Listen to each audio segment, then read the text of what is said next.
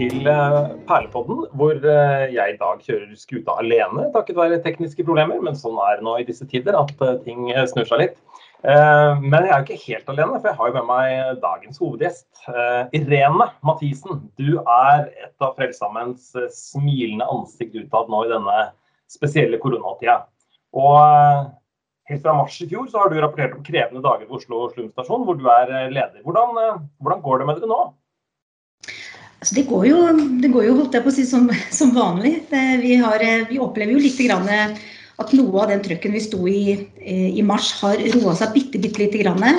Eh, og så ser vi samtidig at vi har daglige mellom fem til ti personer og husstander som er helt nye eh, hver eneste dag. Allikevel. Eh, så kommer av forskjellige årsaker. Men det vi også ser, det er jo at ensomheten er jo blitt mye større og veldig mye mer uttalt. Eh, blant folk. Vi merker at eh, de som kommer hit er eh, mer stressa, slitne.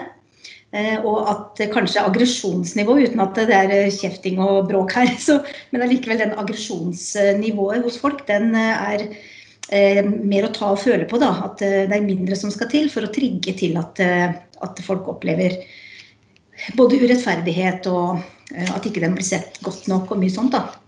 Mm. Så, så vi, liksom. Ja, folk er på tuppa, rett og slett. Slitne.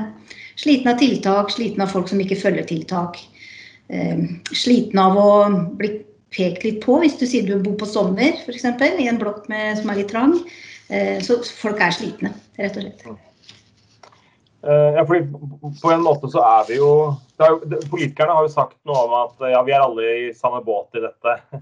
Men så har du sagt noe om at ja, vi er, eh, vi er, kanskje i samme storm, men ikke i samme båt. Hva, hva mener du med det? Ja, jeg sier det. og Jeg utfordrer politikere på båten. Altså, for, eh, altså vi har forskjellige måter å møte en krise på, og dette er jo en krise.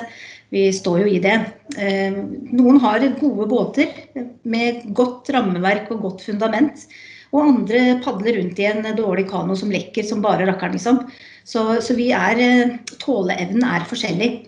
Eh, økonomigrunnlaget er forskjellig. Eh, nettverket er forskjellig. Så vi møter stormen veldig, veldig forskjellig. Så vi er ikke i samme båt. Mm. Vi er i samme storm. Mm. Noen går også helt under i denne stormen. Og det er jo disse menneskene vi ser daglig, da. Mm. Og som vi ønsker å prøve å være en, en forskjell for, da. Ja, ikke sant. Og Fortell litt om hvordan dere gjør det. Altså Bak dette gamle og ærverdige navnet Slumstasjonen, hva, hva skjer innenfor dørene? Ja, vet du, det skjer jo fryktelig mye spennende her, da. Jeg vil si det. Altså, vi har jo gått helt tilbake til historien, vi. Eh, røska av støvet. Eh, og så har vi liksom lest oss godt opp, og så ser vi at historien viser oss eh, uredde, flotte, sterke mennesker som, som har liksom møtt det de har sett utafor sin dør. Eh, med oppretta armer og mye kjærlighet. Så vi gjør det så godt vi kan. Eh, vi prøver å se utafor døra vår hva som skjer. Og så gjennom det så har vi fortsatt, fortsatt så deler vi ut mat eh, og klær. Vi prøver å ha aktiviteter nå for barnefamilier. Planlegger sommerferie og høstferie. Aktiviteter både i Oslo og utafor Oslo for familier, stort sett. Vi har også som går hele tiden, har vi eh, sosionomtjenesten vår. Som møter folk som trenger hjelp til å lese papirer og, og bistand inn mot det offentlige. Og til, eh, til, til andre ting også. Eh, helsevesen, om det er noe annet de kan søke på. Bolighus. Altså litt forskjellig. Og så har har vi oppsøkende eller utadretta arbeid, som vi kaller det. da, Hvor vi er inne i flere bydeler hver uke med mat. Eh, og vi har også fått nå et godt samarbeid med Tempelet korps eh, i sentrum, som kjører ut mat til de familiene og enslige som bor utafor, altså helt ytterst i grensene mot andre kommuner. Eh, de ytterste bydelene. Så de slipper å ta offentlig transport inn til oss. Og vi skal ha klesutdeling. Vi kartlegger nå barn som begynner i første klasse, for å gi de en god start på sin første klasse. Komme med ny skolesekk og pennalhus som er fylt til randen, er alltid gøy. Eh, så det holder vi på nå å kartlegge, da. Og skal dele ut eh, sko fra Viking og ja. Så vi, vi har jo et veldig stort aktivitetsnivå her, det vil jeg si. Ja, det er jo mye mer enn mat, eh, liksom, som man kanskje først og fremst forbinder. Um, og så er det jo et pusterom som foregår Ja. Rett nå? Rett bak ryggen min nå så er det et pusterom. og Det er jo egentlig å gi voksne folk en pause fra sin hverdag. Eh, og jeg kom inn døra litt tidligere i dag da når de hadde starta. Og det første som møtte meg da, var jo at en, en, en dame der som, som, var ny hos oss eh, til jul, som trengte mat og hjelp til jul. Eh, og bare satt og, og egentlig og falt Altså hun gråt. så tenkte jeg for jo sette meg ned og der og, og, ta en kaffe og spise der sammen med henne. og det er liksom bare den Hun var ikke lei seg, men det var den overveldende følelsen først og fremst for å komme ut av sin isolasjon, som har vært over et år se folk, spise sammen med noen og høre, altså prate med noen. Eh, og hun trodde også at hun hadde glemt å snakke, så hun hadde begynt å øve foran speilet i går for å se om hun huska å snakke. Så vi, så vi, har et pusterom, og det er for å møte nettopp mennesker som eh, opplever ensomhet og manglende nettverk. Eh, som trenger et sted å komme til. Drikke kaffe sammen med noen. Spise. Så det har vi nå. Så vi har hatt quiz og ja, dessert og full pakke. Så nå inviterer dere grupper på tolv, så man kan ivareta godt smittevern, men samtidig ha si, så mye nærhet og menneskelig ja. kontakt som mulig. Da. Det er det absolutt, og det er like mye håndsprit og munnbind her som andre steder, tror jeg. Mm. Ja, for Det må være en, sånn, en krevende balansegang, det å, å være liksom, omsorgspersoner, men samtidig være nødt til å holde avstanden, liksom. I både billedlig og rett praktisk talt. ja, ja. Man må liksom klemme visuelt, mm. på en måte. Eh, gi omsorg visuelt. Det er, ganske, det er litt utfordrende. men Det, det går egentlig greit, altså, men for litt på avstand kan vi jo ta av munnbind, så de i hvert fall ser et, eh, et helt ansikt, og ikke bare to øyne. på en måte, Eller at de ser faktisk at vi smiler og at vi viser omsorg den veien. da. Mm. Legge vekk telefoner og alt, så vi liksom har full fokus. Mm. Er fullt og helt til stede og, og gir et pusterom ifra fra ensomheten, rett og slett. Ja. Du er utdanna eh, vernepleier og også offiser, da, som var en utdannelse du tok i, i voksen alder. Og så har jeg skjønt at hjertet ditt starta tidlig å banke litt ekstra for dem som hadde noen ekstra utfordringer i samfunnet? Ja, altså jeg er jo da en, eh, altså Min besteforeldregenerasjon, men også egentlig foreldregenerasjon, har jo vært uh, mørkerøde. Altså Bestefar var mørkere kommunist. Mora mi tror jeg lempa litt på fargen. Men, eh, men, vi er liksom vokst opp med på en måte den dugnadsånden at ingen skal gå sultne forbi huset vårt, eller hjemmet vårt. da. Eh, hvis eh, noen så foreldre, altså foreldrene mine eller besteforeldrene mine så noen som frøys på en benk, så var det å kle av seg klærne sjøl og gi det man hadde. Delte brød, liksom. Sånn, nesten litt bibelsk, selv om det var veldig mye kommunisme i det. Så det var liksom vi har fått litt inn med, med morsmelka, da, akkurat den uh, omsorgsbiten for de som er litt mer uh, ja, er litt på siden av samfunnet ellers. da. Mm. Kan ikke huske én jul uten at vi hadde nabokjerringa eller noen andre som var ensomme da, på, rundt middagsbordet. liksom, Under juletreet pakka på. ikke sant? Så jeg kan ikke huske en eneste jul som ikke vi bare var familie. Mm. Eh, faktisk. Så, og så gikk jeg i Skien. Jeg er fra Skien. Eh, så disse gamle slumsøstrene på barnehjemmet. Eh, søster, eller tante Rikke, som vi kalte henne, som var på barnehjemmet der. Og så tenkte jeg at når jeg blir stor eh, Tante Rikke var flott vet du, i speideren og passa på våre unger, selv om ikke du hadde ansvar for det. Og tenkte at ja, når jeg blir stor, da skal jeg bli som tante Rikke. Så for Hun var liksom en av de bautaene da, som vi, som vi nå står på his, eh, ryggen til, på en måte, historisk sett. da. Mm. Så jeg har nok fått det veldig mye inn med morsmelka, det at man skal bistå. og så Jobba i helsevesenet da før offisersutdanning og ja, veldig Det er liksom ligger mitt hjerte veldig nært, da. Mm. Og når du da går inn i en offiserstjeneste, så er det Frelsesarmeen som bestemmer hvor du, du, jobber sånn i utgangspunktet, selv om det eh, er dialogelement der. Men eh, jeg har skjønt at du faktisk brant så mye for slumarbeidet at du bestemte deg for å hjelpe Frelsesarmeen litt med beslutningsprosessen da du skulle få din første ordre? Ja, det gjorde jeg, vet du. Jeg er jo litt sta, da. Jeg er litt sånn kommunist i meg, sikkert. Eh, vi, eh, Offiserskolen har jo alltid sånn eh, Kommandøren kommer inn og har sin undervisningstime. I hvert fall hadde det når jeg gikk. Jeg gikk i, var ferdig i 98. Og han som var kommandør da, Edvard Hannevik, han var stadig hos oss gjennom disse to årene. Og så, og så I en av disse timene sine så forteller han at han aldri har sett lyset på veggen. Eh, for, for, å lage litt sånn, gi oss rom da, for at det er en dimensjon at ikke alle har sånne veldig store opplevelser. Så det var, tanken hans var jo veldig god. Eh, og så blir man litt barnslig på sånne skoler, og så når man brenner litt ekstra, så man, vil man gjerne være tydelig òg. Så jeg ordna det en gang han kom, rett før ordretid. Så hadde jeg ordna en sånn gammeldags sånn overhead bakerst i det klasserommet han møtte oss. Og så sto det skrift da, på den overheaden 'Irene til Flum stasjon'. Så når han kom inn i klassen, så sto det på veggen. Irene til slumstasjon. Så Hvis ikke bare Herre sikrer skrift på veggen, så må man ordne det sjøl. Det er eh, moralen her. Rett og slett. Og det hjalp jo, da. Jeg ble jo bønnhørt. Jeg kom til Hønefoss slumstasjon for min første ordre. Så det Det var veldig bra. Uh, og så har jo veien gått gjennom flere forskjellige ordre flere forskjellige steder. Og også og, og, hvor mange av de har jo fellesnevneren samfunnets uh, skyggeside, da, hvis det går an å bruke den klisjeen. Ja. og en av de var i fengselsarbeidet. jeg tenker på, Hvordan føler man seg når man går inn på Ila og Ullersmo for første gang og skal forsøke å, å bety noe for dem som sitter på noen av landets lengste soninger? Ja, jeg, jeg, burde jo si at det er kjempevanskelig, men, og det er jo det. Det er tøft å gå inn i, i et fengsel. Det, er skremmende Eller man føler seg liten, om jeg kan bruke det uttrykket. da. Eh, liten i forhold til at du møter jo svære porter. Murvegger, du blir slusa inn gjennom disse store portene.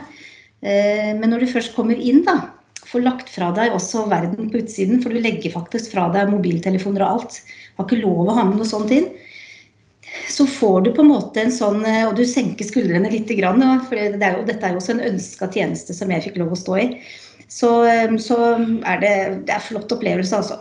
Må gå inn med ydmykhet. Ikke tro at du er noe. Selvfølgelig.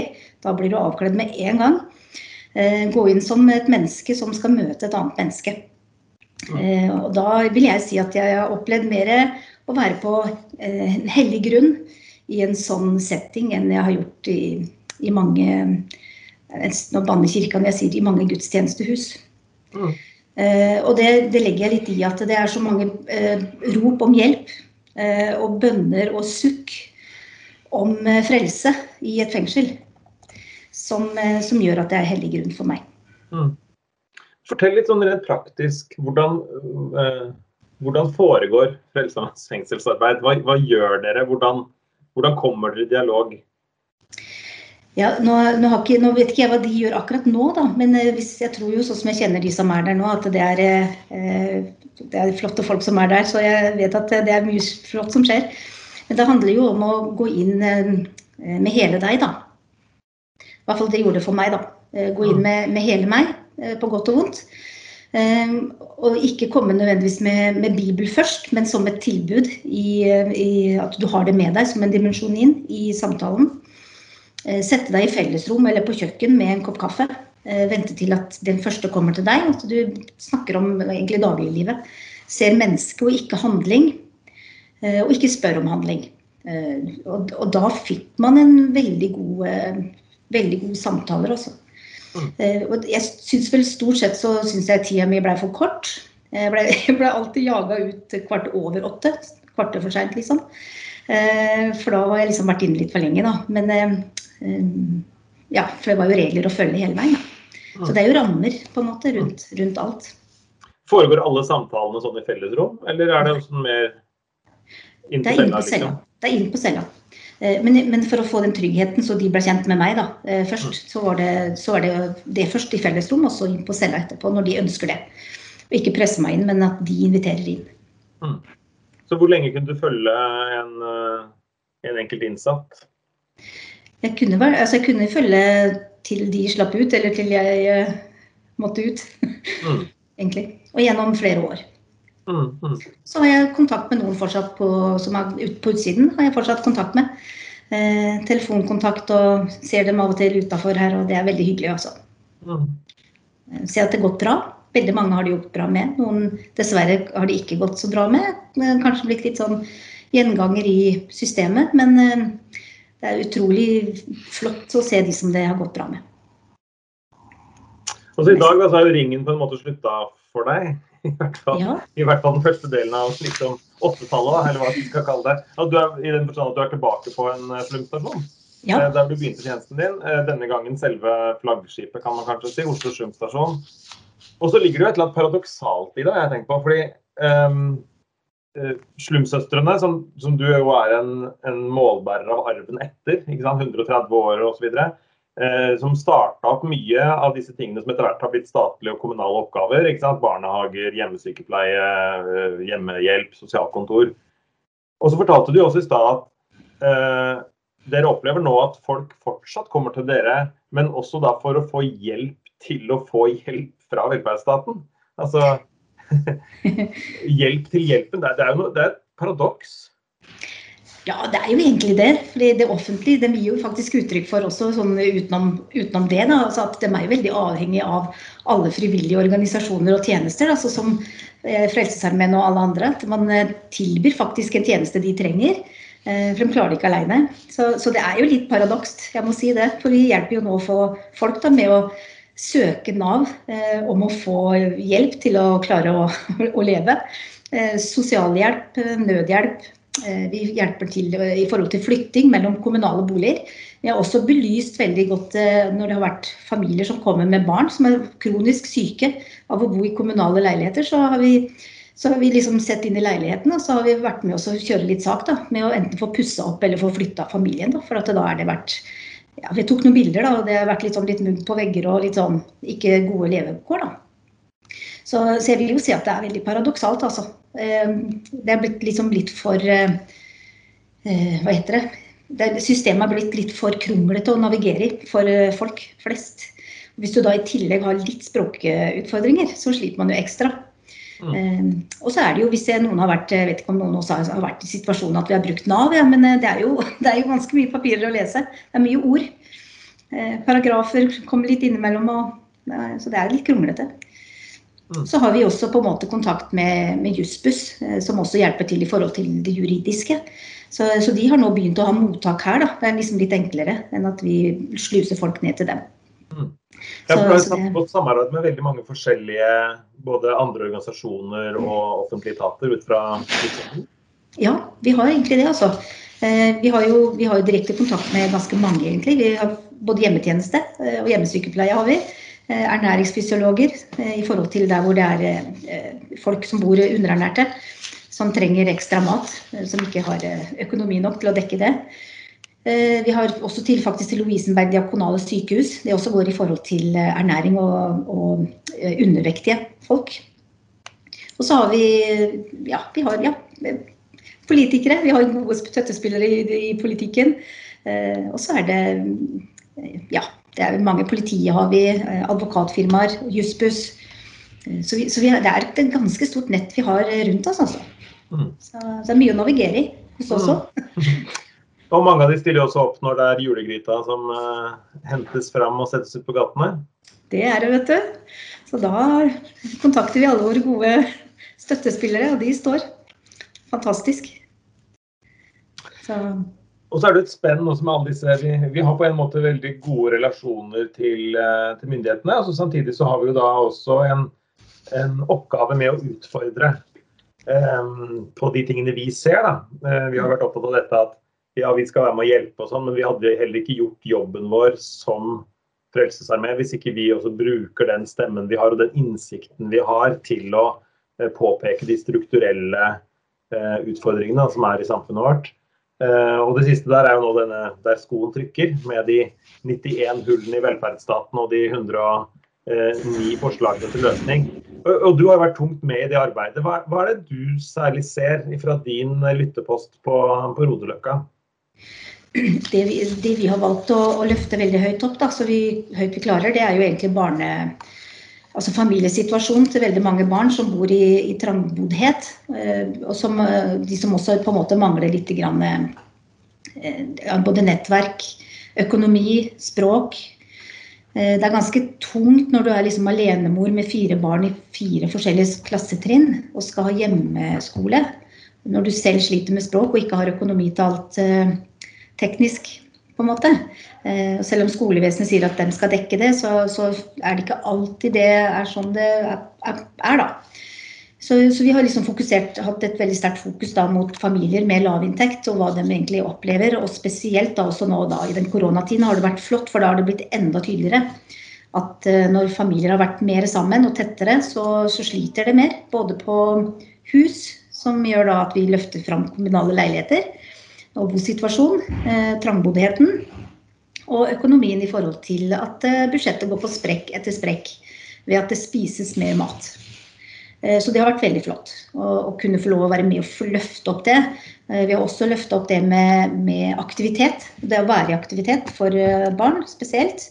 Og det å føle at du også deltar. For vi hørte, nå vet jeg ikke om det har blitt endra det siste året, men i hvert fall for ett år siden så var det sånn at hvis en mor hadde to barn og gikk på sosialhjelp, sosialhjelp så kunne hun søke om å få dekt ett eh, treningstilbud eller en aktivitetstilbud i organisert form fra Nav da, i tillegg. Men hvis du da har to barn, så må du velge barnet ditt. da. Du må velge hvem som blir den nye Maradonaen på en måte i fotball. Eh, og den, for det første skal en forelder slippe å måtte velge barn. Og så skal barn slippe å bli valgt bort av eh, omsorgsperson. da. Mm. Så, så, vi har litt sånn ønsker å, å løfte de også. Mm. Så det er mange andre ting vi skulle ønske å løfte, men det er liksom, kanskje litt begrensa hva man rekker å få med inn i en rapport. Da. Ja, ikke sant. Så.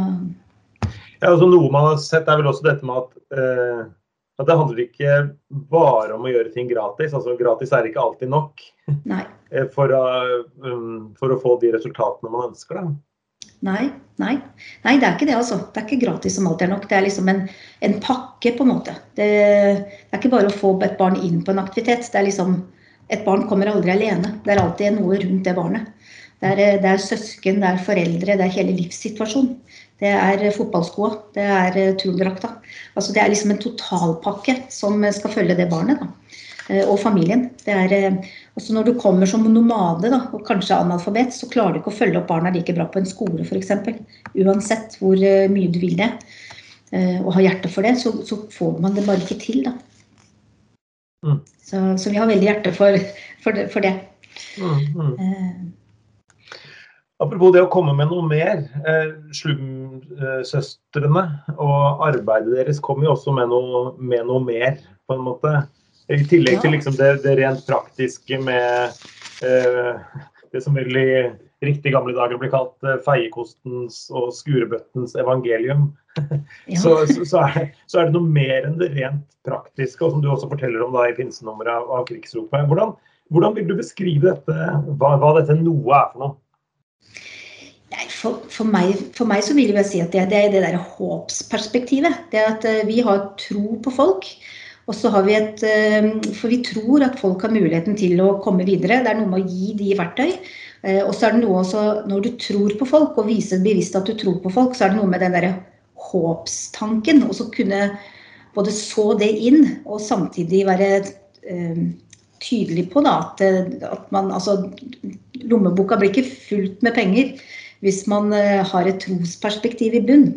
Den er like tom, men man har et håp allikevel i andre enden da, om at eh, ting vil bli bedre. Så, så, det er den trosperspektivet, det at vi er grunnlagt altså er, Frelsesarmeen er jo grunnlagt i krise. Slumsøstrene begynte sin tjeneste av kjærlighet. Det var Guds kjærlighet som drev dem ut i gatene. Eh, og det er det prinsippet, og det er det vi egentlig bygger vår tjeneste på. Da. Og det er kjempeviktig for oss. Eh, og vi har på veggen hos oss nå, vi skaffa oss et, et kors Eh, for det er ikke alltid vi kan snakke tro, men vi må leve tro. Eh, og så har vi da skaffa oss et, et, kors da, som vi har på veggen, som er skikkelig slitent, altså. Det er eh, et driv-ved-kors med rusten piggtråd rundt.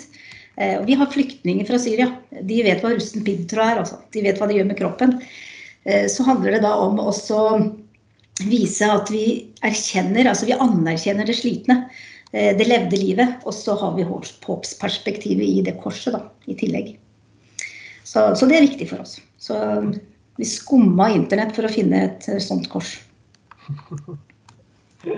å anerkjenne livet og, ja. holde fast ved håpet. Det hørtes ut som en veldig fin eh, avrunding. Tusen takk for at du var sammen med oss her, Irene. Og lykke til og Guds velsignelse over alle de spennende perspektivene på arbeidet som du står i. Takk skal du ha. Han skal åpne perleporten så at jeg får komme inn. blodet har han fred.